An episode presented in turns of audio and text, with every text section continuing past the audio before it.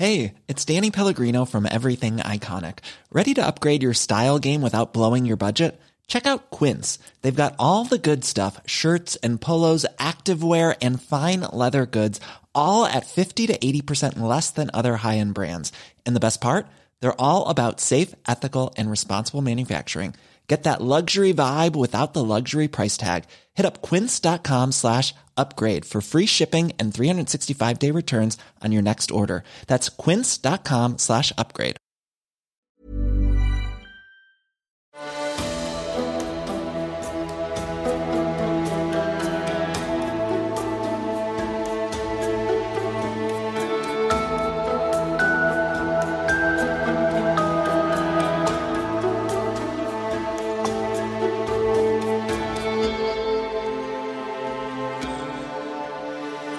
Velkommen til Seriemorderpodden, podkasten dedikert til seriemordere. Hvem de var, hva de gjorde og hvordan. Jeg heter Thomas Rosseland Wiborg Tune. I kveld tar vi for oss en fersk seriemordersaga. En av Europas seriemorder-superstjerner. En mann som hadde Jack the Ripper som forbilde, og som overgikk Jacks drapsportefølje, om ikke brutalitet. Vi reiser tilbake over Midtpassasjen, Atlanterhavet, og er igjen tilbake i Storbritannia. Nord-England, for å være presis, Yorkshire. Og hvis du følger temaet seriemord, vil bare navnet på den byen bringe frem et umiddelbart kallenavn. Yorkshire Ripper, noen ganger også referert til som Wearside Jack. England har to veldig kjente seriemordere som har delvis felles kallenavn, Jack the Ripper og Yorkshire Ripper. Jack opererte, som vi vet, og vil se nærmere på i en senere episode, i viktoriansk tid. I Yorkshire terroriserte deres Ripper, på norsk kanskje best oversatt til revner, imidlertid befolkningen på slutten av 1970-tallet, frem til han ble arrestert i 1981. I motsetning til Jack er revneren i Yorkshire kjent for oss. Han het Peter William Sutcliffe og var ansvarlig for de brutale drapene på 13 kvinner. Frykten Peter Sutcliffe påførte ikke bare Yorkshire, men hele Storbritannia, er ganske unik i moderne europeisk historie. Men Yorkshire Ripper-saken var ikke bare historien om en morder. Det er også historien om politiets inkompetanse og en mer moderne kontrovers angående psykisk helsevern og fangers sikkerhet. Selv om Yorkshire Ripper-saken skjedde for over 35 år siden, er den fortsatt en del av den offentlige samtalen.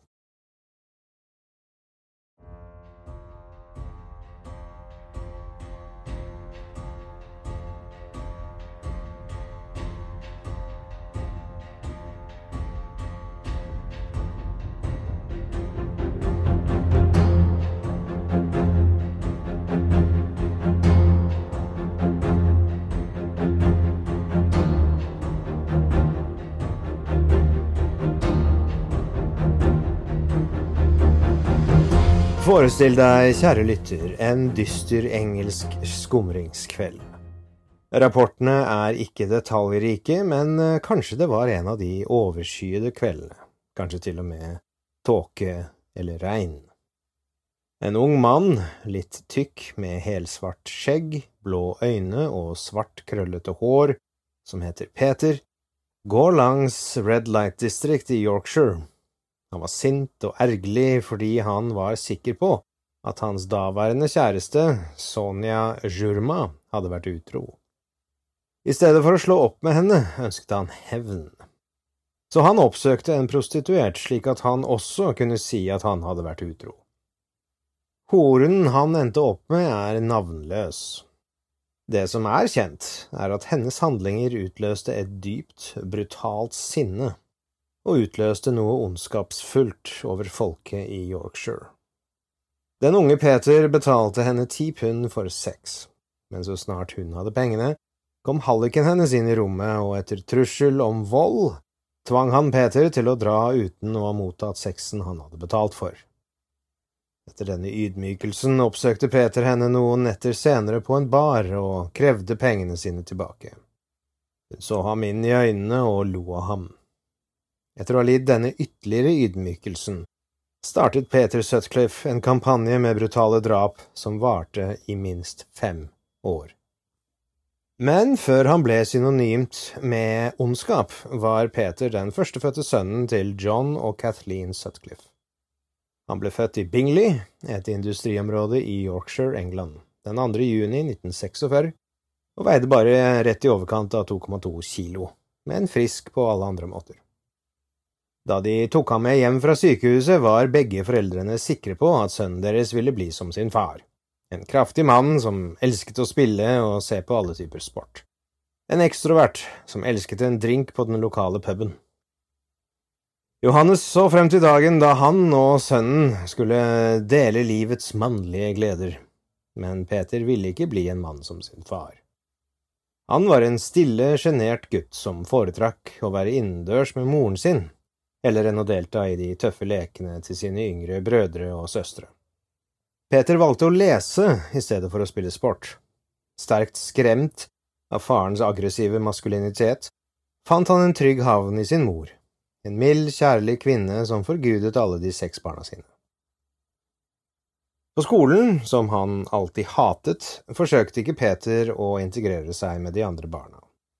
Han brukte hvert friminutt på å stå alene i et trygt hjørne vekk fra de andre barna og unngikk de tøffe lekene som han, som liten og ikke spesielt sterk, alltid kom dårligst ut av.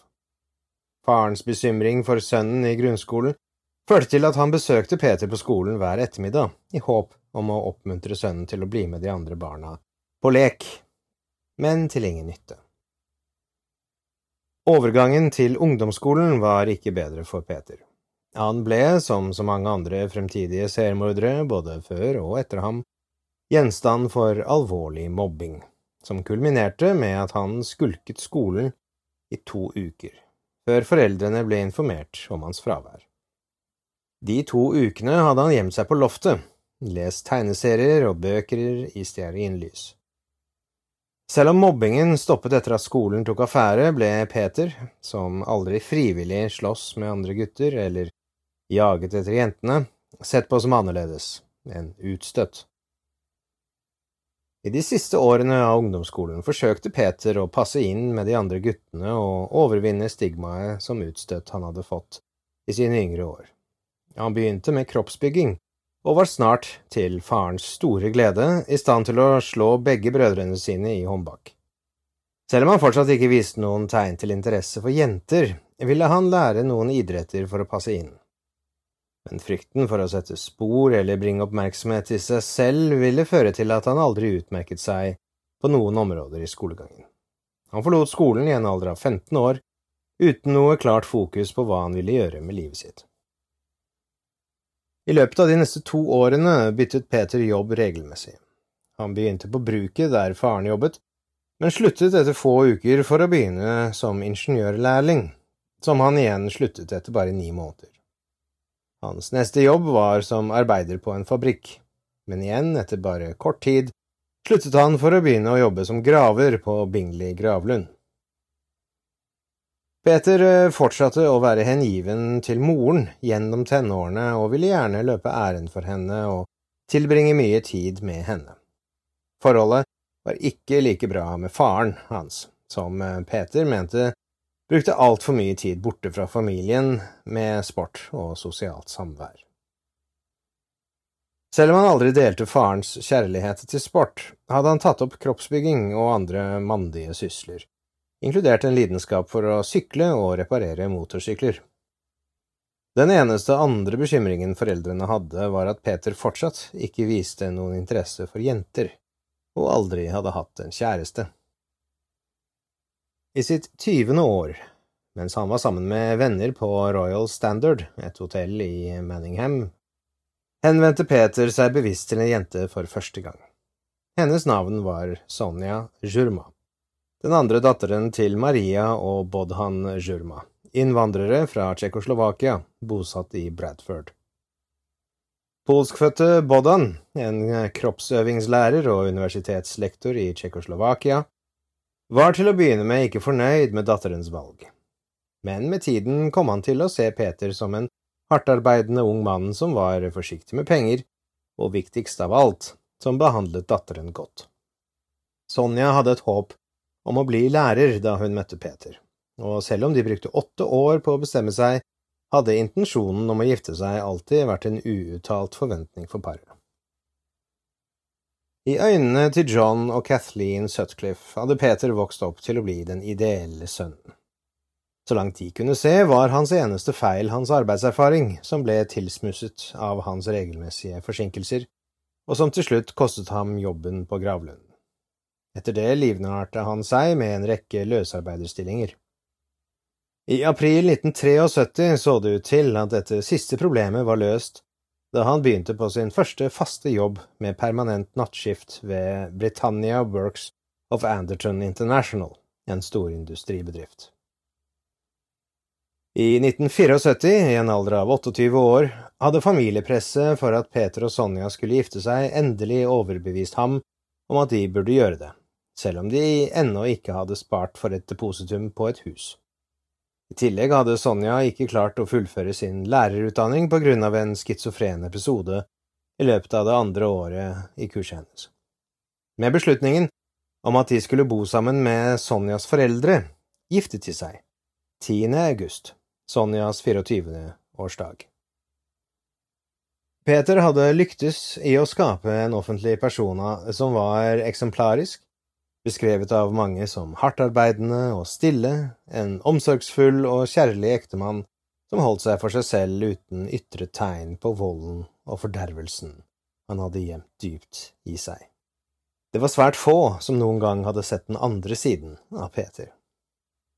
Gary Jackson, som hadde jobbet med Peter på gravlunden, hadde funnet Peters glede i å spille morbide spøker med skjelettene og tyveri av ringer fra hendene til noen av dem han begravde, å være mer enn litt makabert.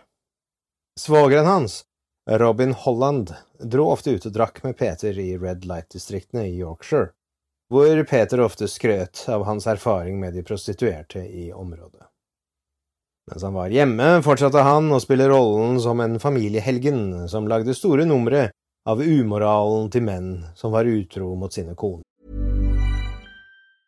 A lot can happen in three years, like a chatbot may be your new best friend. But what won't change? Needing health insurance. United Healthcare Tri Term Medical Plans, underwritten by Golden Rule Insurance Company, offer flexible, budget friendly coverage that lasts nearly three years in some states. Learn more at uh1.com. Hey, it's Ryan Reynolds, and I'm here with Keith, co star of my upcoming film, If, only in theaters, May 17th. Do you want to tell people the big news? All right, I'll do it. Sign up now and you'll get unlimited for $15 a month in six months of Paramount Plus Essential Plan on us. Mintmobile.com slash switch. Upfront payment of $45 equivalent to $15 per month. Unlimited over 40 gigabytes per month. Face lower speeds. Videos at 480p. Active Mint customers by 531.24 get six months of Paramount Plus Essential Plan. Auto renews after six months. Offer ends May 31st, 2024. Separate Paramount Plus registration required. Terms and conditions apply if rated PG. Til slutt ble Peters hykleri for mye for Robin, og han nektet å gå ut med ham mer. Trevor Birdsall, derimot, hadde blitt venn med Peter omtrent samtidig som han møtte Sonja. Han og Peter tilbrakte hundrevis av timer i løpet av de neste årene på puber og med å cruise etter horer i gatene i Red Light-distriktene i bilen til Peter. Peter så ut til å ha en forkjærlighet for prostituerte blandet med et merkelig sinne. Trevor husket tydelig en natt i Bradford i 1969, da Peter hadde forlatt ham i bilen i noen minutter. Da han kom tilbake, fortalte Peter at han hadde forsøkt å slå en prostituert med en murstein han hadde lagt i en sokk, men sokken hadde falt fra hverandre og mursteinen hadde falt ut. Til tross for sin merkelige oppførsel forble Trevor venn med Peter, til sistnevnte ble arrestert i 1981. Seks måneder etter ekteskapet med Sonja benyttet Peter Sutcliffe muligheten til oppsigelsespakke på 400 pund. Pengene brukte han til å skaffe seg lisensen til å kjøre store lastebiler. Den 4. juni 1975, to dager etter sin 29. fødselsdag, besto han oppkjøring for klasse 1 og kjøpte seg deretter en hvit Ford Corsair med svart tak, mens han beholdt sin første bil, en limegrønn Ford Capri GT. I løpet av den påfølgende måneden skulle Peter fortelle venner og familie den triste nyheten om Sonjas mange spontanaborter. Rett etter siste spontanabort ble Peter og Sonja informert om at Sonja ikke ville kunne få barna som de begge så inderlig hadde ønsket seg. Så omtrent samtidig som han får beskjed om at hans kone ikke kan få barn, finner Peter seg dypt ydmyket av denne prostituerte. Kombinert med barndomstraumer og mest sannsynlig en psykopatisk personlighetsforstyrrelse, utløste dette starten på noe som fortsatt hjemsøker Nord-England. Anna Patricia Rogulski bodde i Keeley. Den slanke, attraktive blondinen i begynnelsen av 30-årene hadde vært skilt fra sin ukrainske ektemann i to år. Natt til 4. juli 1975 hadde hun og kjæresten Jeff Hughes, som hun forventet å gifte seg med i nær fremtid, hatt en heftig krangel. Fortsatt sint hadde hun forlatt ham for å gå ut og drikke med venner på en klubb i Bradford. Hennes to jamaicanske venner slapp henne av utenfor hjemmet sitt klokken ett om natten, hvor hun forventet å finne kjæresten. Han var ikke der. Hennes tidligere sinne mot ham dukket opp igjen, og hun bestemte seg for å gå til huset hans for å endelig ordne opp. Mens hun resultatløst banket på døren, sto Peter Sutcliffe i skyggen og så på. Til slutt, i frustrasjon, tok hun av seg en av skoene og knuste glasset i et vindu i underetasjen. Da hun knelte for å ta på seg skoene igjen, kom Peter raskt ut fra skyggene og slo henne voldsomt i hodet med en hammer. Anna hadde ikke sett eller hørt noe og var bevisstløs da han tildelte henne ytterligere to slag med hammeren. Peter stoppet et øyeblikk for å trekke pusten mens blodet fra Annas sår sivet utover brosteinene. Han løftet opp skjørtet hennes og dro ned underbuksa hennes. Da han førte hammeren tilbake i lommen og tok frem en kniv, eksploderte sinnet hans ytterligere, og han hogget og skar opp maven til Anna. Stemmen til en bekymret nabo forstyrret av støyen, dempet raskt Peters vanvittige raseriutbrudd. Da naboen sto og kikket ut i smuget og prøvde å fokusere i det dårlige lyset, tok Peter Sutcliffe seg sammen og snakket rolig mens han forsikret mannen om at alt var bra, og at han fint kunne legge seg igjen, noe han gjorde. Peter rettet på Annas klær og var borte like raskt som han hadde kommet.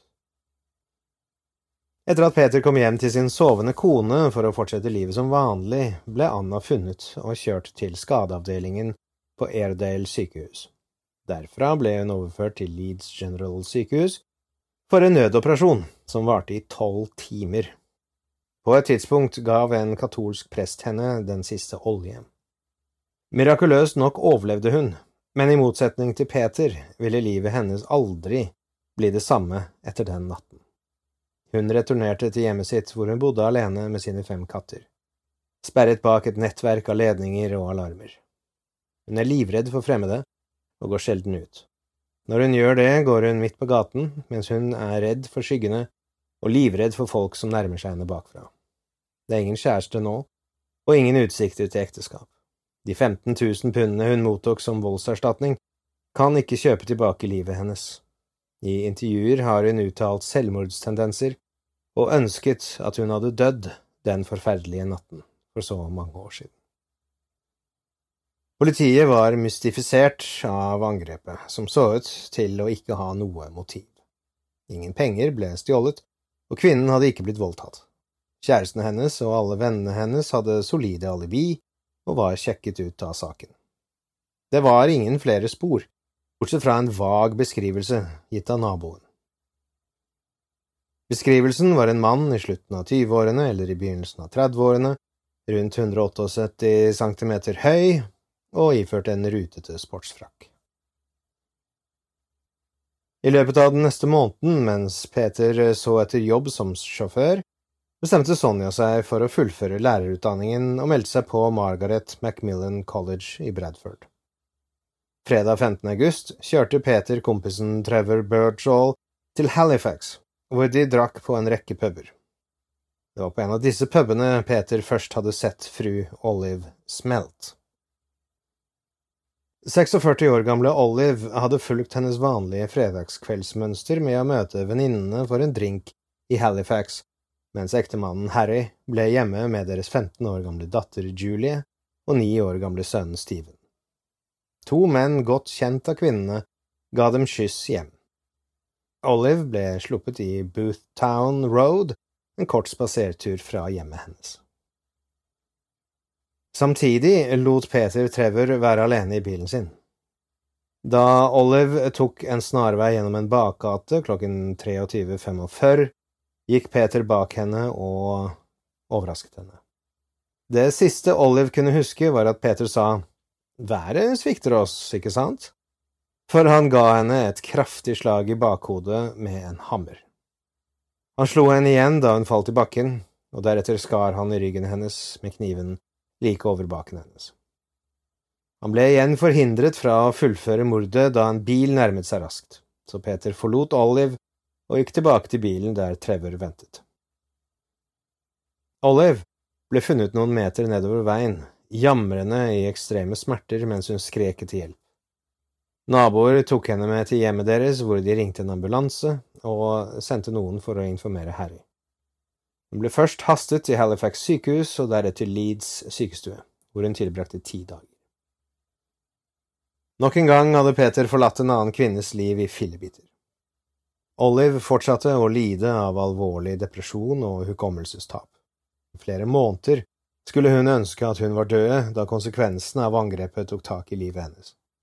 Hun var konstant deprimert og interesserte seg ikke for livet sitt. Hun levde i frykt, spesielt for menn og så noen ganger på mannen sin og tvilte på om han egentlig hadde vært hjemme med barna den skjebnetunge kvelden. Forholdet deres ble permanent endret, og hun hadde sjelden lyst til å ha sex. Hennes tidligere glede i husarbeid og matlaging gikk tapt, og hun fullførte nå disse oppgavene på robotisk måte. Hennes eldste datter fikk et nervøst sammenbrudd, som legene var sikre på var et direkte resultat av angrepet og i mange år fortsatte sønnen å låse døren hver gang han lot moren sin være alene i huset. Til tross for likhetene mellom de to tilsynelatende motivløse angrepene på Anna Rogulski og Olive Smelt, ville politiet ikke koble dem sammen. Det skulle gå tre år før de ville bekrefte at angriperen faktisk var Yorkshire Rippers verk. To ganger hadde Peter latt sine indre demoner ta overhånd. Men begge gangene hadde ofrene hans overlevd, og han var blitt avbrutt.